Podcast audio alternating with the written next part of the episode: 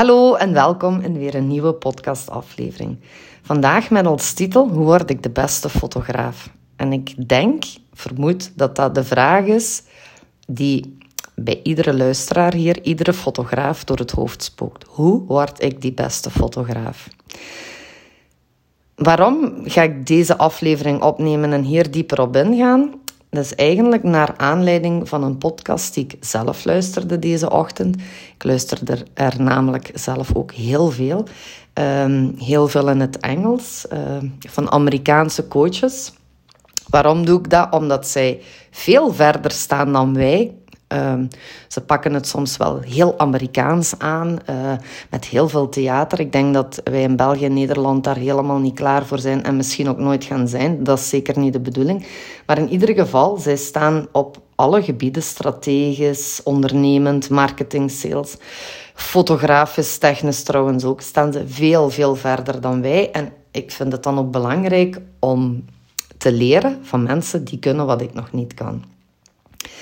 Nu, lang verhaal kort. De aflevering waar ik vandaag naar luisterde was een beetje gericht aan de coaches. Dus um, um, zoals ik, die andere fotografen iets willen leren, wat zij trouwens ook doen. Maar ze benoemden daar een heel belangrijk punt. En ik wist het wel, ik had het alleen nog nooit vanuit dat opzicht bekeken. En ze zei, ja, zegt ze, het is zo dat uh, wij heel vaak dingen gaan creëren, uh, mensen iets willen leren. Trouwens, dat is overal zo, want ik heb uh, zes jaar lesgegeven uh, fotografie in de vakfotografie in het volwassenenonderwijs. En ook daar is het ook zo. Die cursus wordt gemaakt. Dit is module 1, dit is module 2. En die cursus moet ik uiteraard gebruiken om les te geven. Dat is de leerstof die we moeten zien, want dat is uh, officieel, dus daar hangt ook een leerplan aan vast, leerdoelstellingen, etc.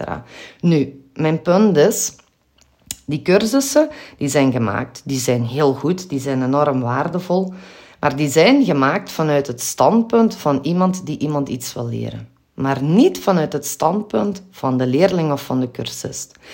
Want iedere cursist en iedere leerling heeft andere noden.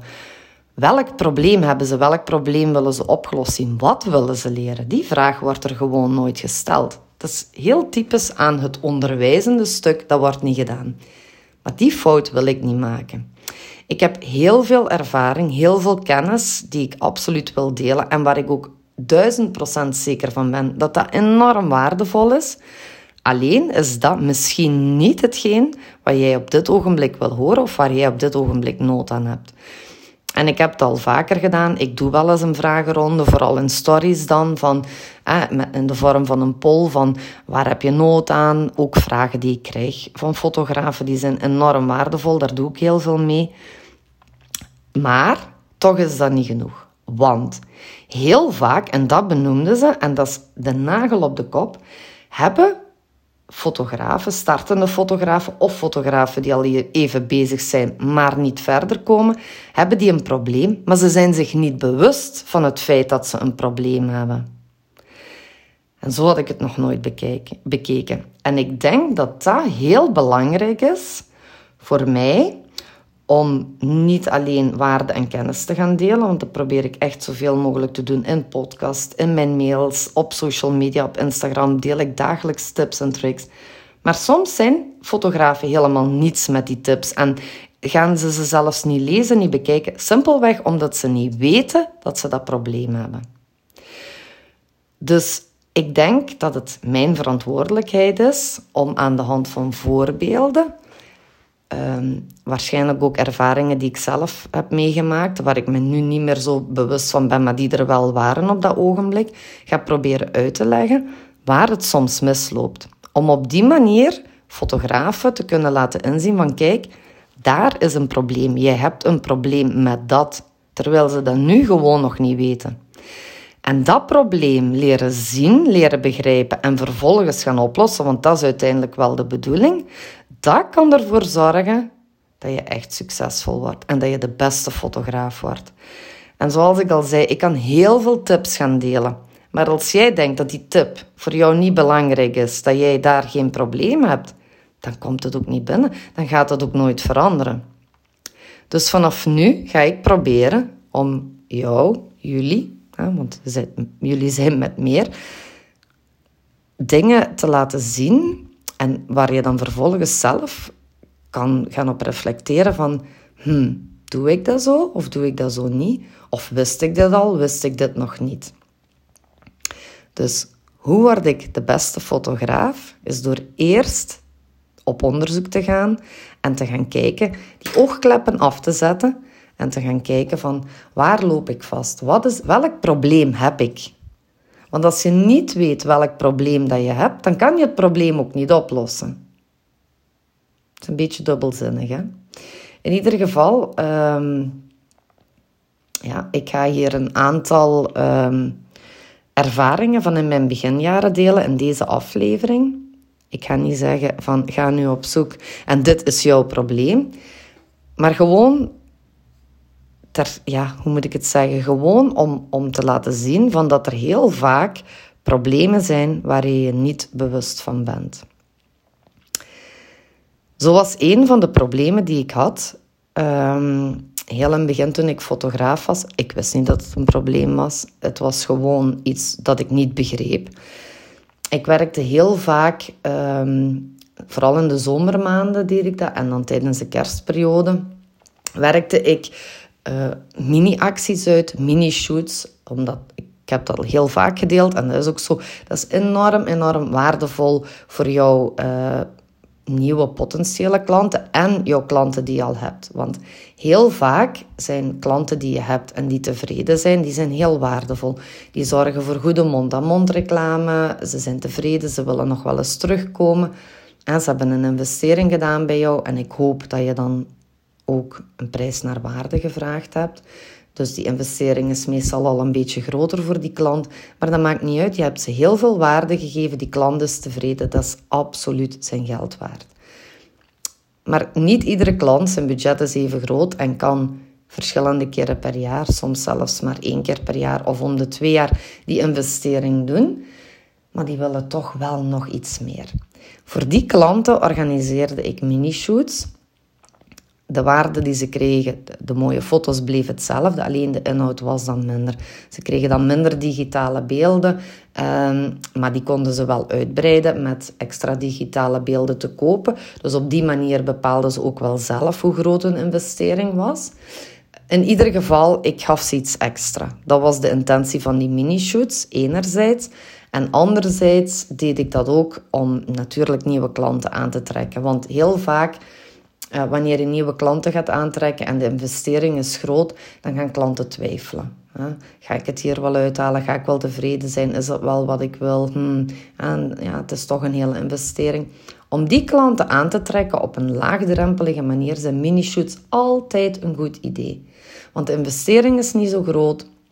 Ze krijgen waarde voor hun geld. Niet het volle pakket, maar ze krijgen wel waarde voor hun geld. En ze gaan jou leren kennen, ze gaan tevreden zijn, ze gaan ook aan mond-aan-mond reclame doen, maar ze gaan ook terugkomen en misschien en waarschijnlijk ook de grote investering doen. Dus dat is enorm waardevol. Die mini-shoots, dat was een ongelooflijk goed idee. En de eerste mini-shoots die ik organiseerde, daar heb ik echt weken zeven op zeven aan gewerkt. Vooral aan het decor, aan de locatie. Hoe ga ik het aanpakken? Getest met mijn eigen kinderen. Uh, vanuit welke hoek ga ik het doen? Heel veel tijd en energie. Heel normaal in het begin. Doen we allemaal, want we willen dat het perfect is. We willen dat die klant tevreden is. We willen er echt in investeren. Het is ook een passie. Je staat ermee op, je gaat ermee slapen. Je wil dat het een succes wordt. En dat is echt super waardevol zeker doen. Alleen dan kan je beter worden als fotograaf. Ik ging ook uh, kijken hoe ik mijn, mijn stijl uh, van bewerken voor die bepaalde shoot kon gaan aanpassen, zodat het nog meer sfeer had. Kortom, heel veel werk. En dat is waardevol. Maar ik was daarmee bezig. Ik stond daarmee op, ik ging daarmee slapen. En ik deelde er niets over tot het klaar was. En dat was mijn grote fout. Want mijn klanten waren er helemaal niet mee bezig. Die wisten niet dat ik dat ging doen. En ik dacht, ik gooi dat hier de wereld in. Ik maak een mooie template. Um, ik zet dat toen vooral op Facebook, want Instagram gebruikte ik toen nog niet.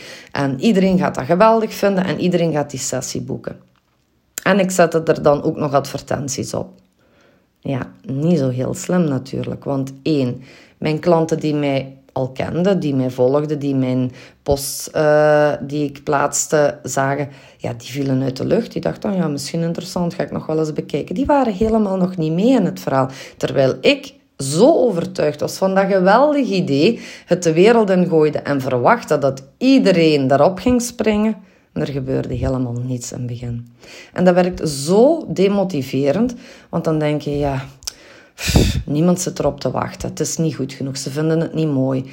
Um, misschien is het te duur. Um, ja, je gaat aan alles, alles twijfelen.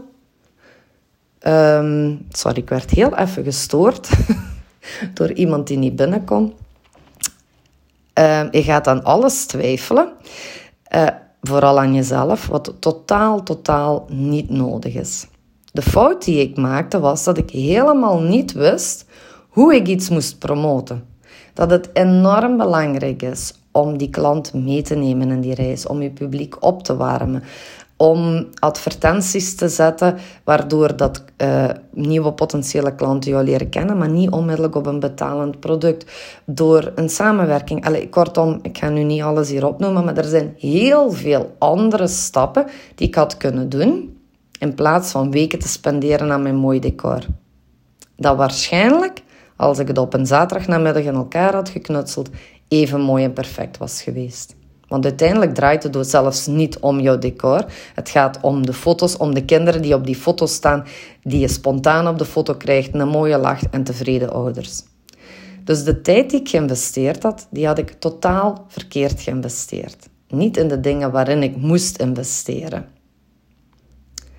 Ja, grote fout die ik gemaakt had. En... Uh, een inzicht dat ik toen totaal nog niet had. En nu kan ik hier in een cursus gaan delen over, ja, en uh, ik leer jou hoe je een goede actie op poten zet. En dan denk je waarschijnlijk, ja, goede actie op poten zetten. Um, ik heb een goede actie. Ik heb daar weken aan geïnvesteerd. Ik heb een prachtig decor. En uh, ik, ik weet echt wel wat ik doe. En het is goed uitgewerkt. En je lanceert je actie.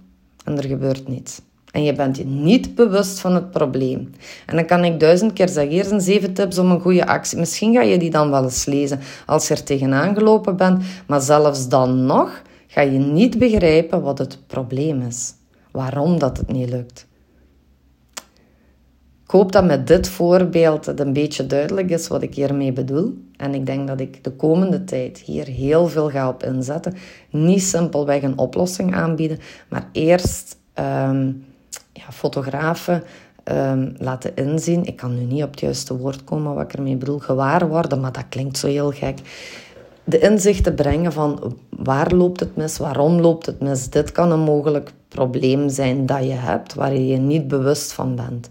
En ik denk dat die inzichten mogelijk nog veel, veel waardevoller zijn dan simpelweg tips en tricks te gaan delen waar je misschien van denkt, hm, die heb ik niet nodig, ik sla ze wel over, ik ga ze niet bekijken, ik ga ze niet luisteren, ik ga ze niet lezen. Dus, hoe word je een goede fotograaf of de beste fotograaf?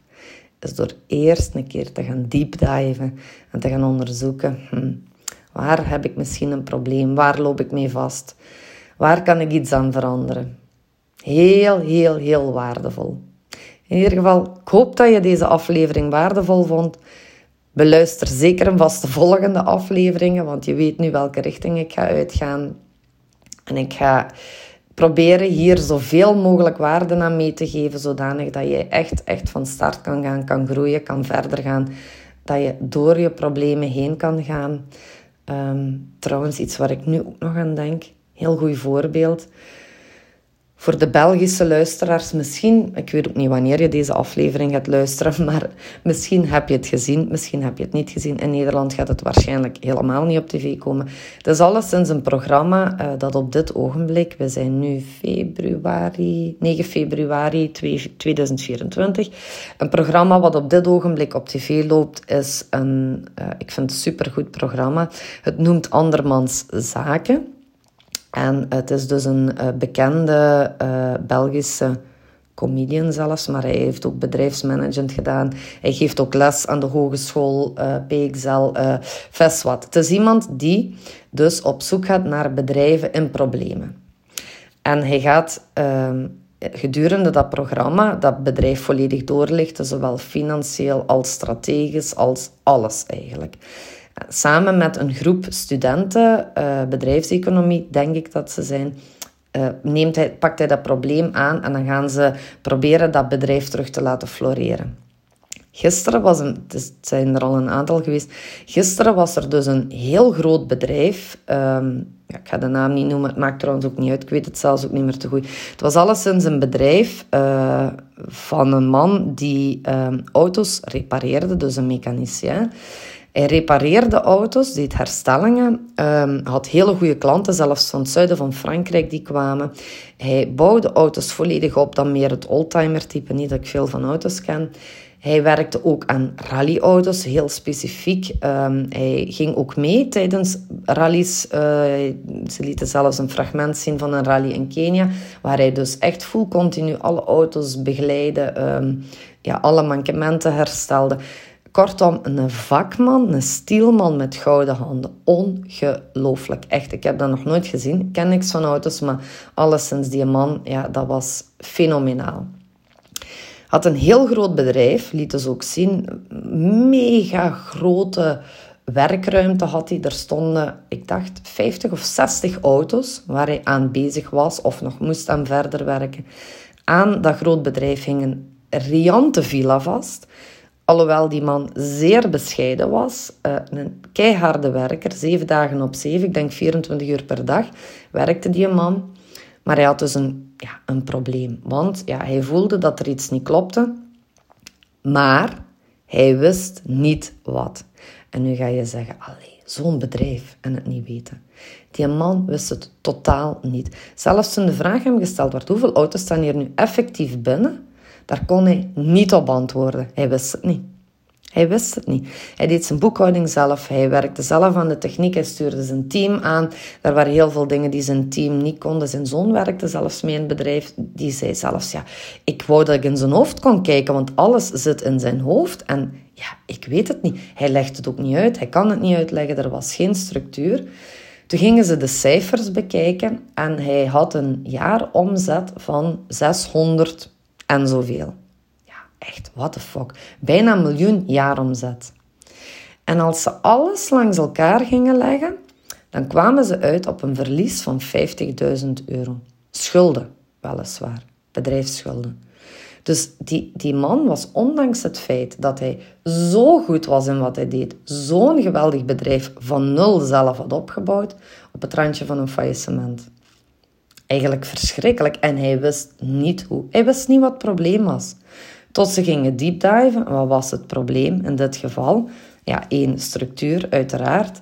Twee, hij factureerde heel veel van zijn uren niet.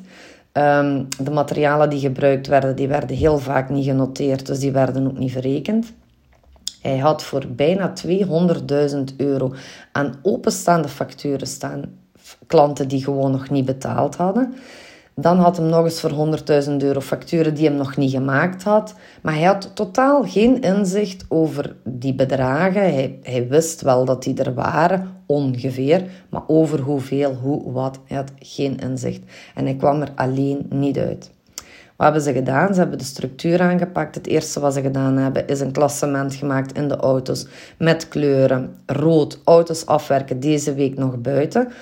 Uh, groen deze maand buiten, zwart, uh, daar ging hem dan niks meer aan doen. Ik weet het niet meer juist. Dus daar zijn ze mee begonnen.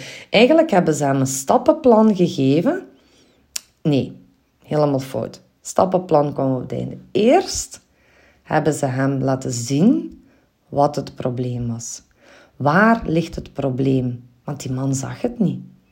En dat was nu zo'n zakenman, maar hij zag het niet. Dus ze hebben hem laten zien waar ligt het probleem en hoe kan je dat gaan oplossen? En dan zijn ze stap voor stap, met een stappenplan, hebben ze hem terug in de juiste richting gekregen. En dat bedrijf is nu terug enorm aan het boomen. Eigenlijk fantastisch om te zien. Ik vind het vooral heel interessant om te kijken, ja, waar loopt het mis? Vaak zijn het dezelfde dingen. Maar eigenlijk begint het altijd in iedere aflevering met het feit dat de ondernemer, welke branche dan ook, want er is iemand geweest die een kattencafé had, uh, er is iemand geweest die een, um, een zorgboerderij had, um, was er nog geweest, ik weet het niet. Er zijn al verschillende bedrijven geweest, dus totaal verschillende bedrijven. Maar altijd was het probleem of de oorzaak waarom het niet werkte, was omdat de ondernemer niet wist wat het probleem was. Dus er is maar één manier om de allerbeste fotograaf te worden, want ik spits me toe op fotografen. Hier ken ik alles van. Hier heb ik ervaring van. Ik kan van A tot Z zeggen wat je moet doen om een succesvolle fotograaf te worden. Maar eerste punt is, en dat is ook aan mij en ook aan jou, is om in te zien Waar ligt het probleem? Welk probleem heb ik? Ik kan jouw probleem niet oplossen als jij niet weet dat je een probleem hebt en waar het probleem ligt. Dat was het voor vandaag. Lang verhaal kort. Hoe word je de beste fotograaf? We gaan eerst deep diven en de, en de oorzaken zoeken waar het vastloopt en wat het probleem is. En dan pas gaan we het oplossen. Hoop dat je het waardevol vond. Wil je de volgende afleveringen niet missen? En ik probeer minstens één keer per week, soms vaker. Ik heb al gehad dat ik vijf keer per week iets posten. Alle inzichten die ik heb, alles wat ik waardevol vind, neem ik op en plaats ik hier. Dus wil je het niet missen? Klik op volgen en dan krijg je een melding als er een nieuwe aflevering online komt. Ook heel fijn als ik een aantal sterretjes zou krijgen, want zo kunnen ook nieuwe klanten het vinden, nieuwe fotografen. En ook fijn natuurlijk, zoals altijd, maak een printscreen, deel hem in je stories als je hem waardevol vond en tag me. Zo kan ik ook zien wie luistert en dat vind ik super fijn. Bedankt om te luisteren en tot heel snel.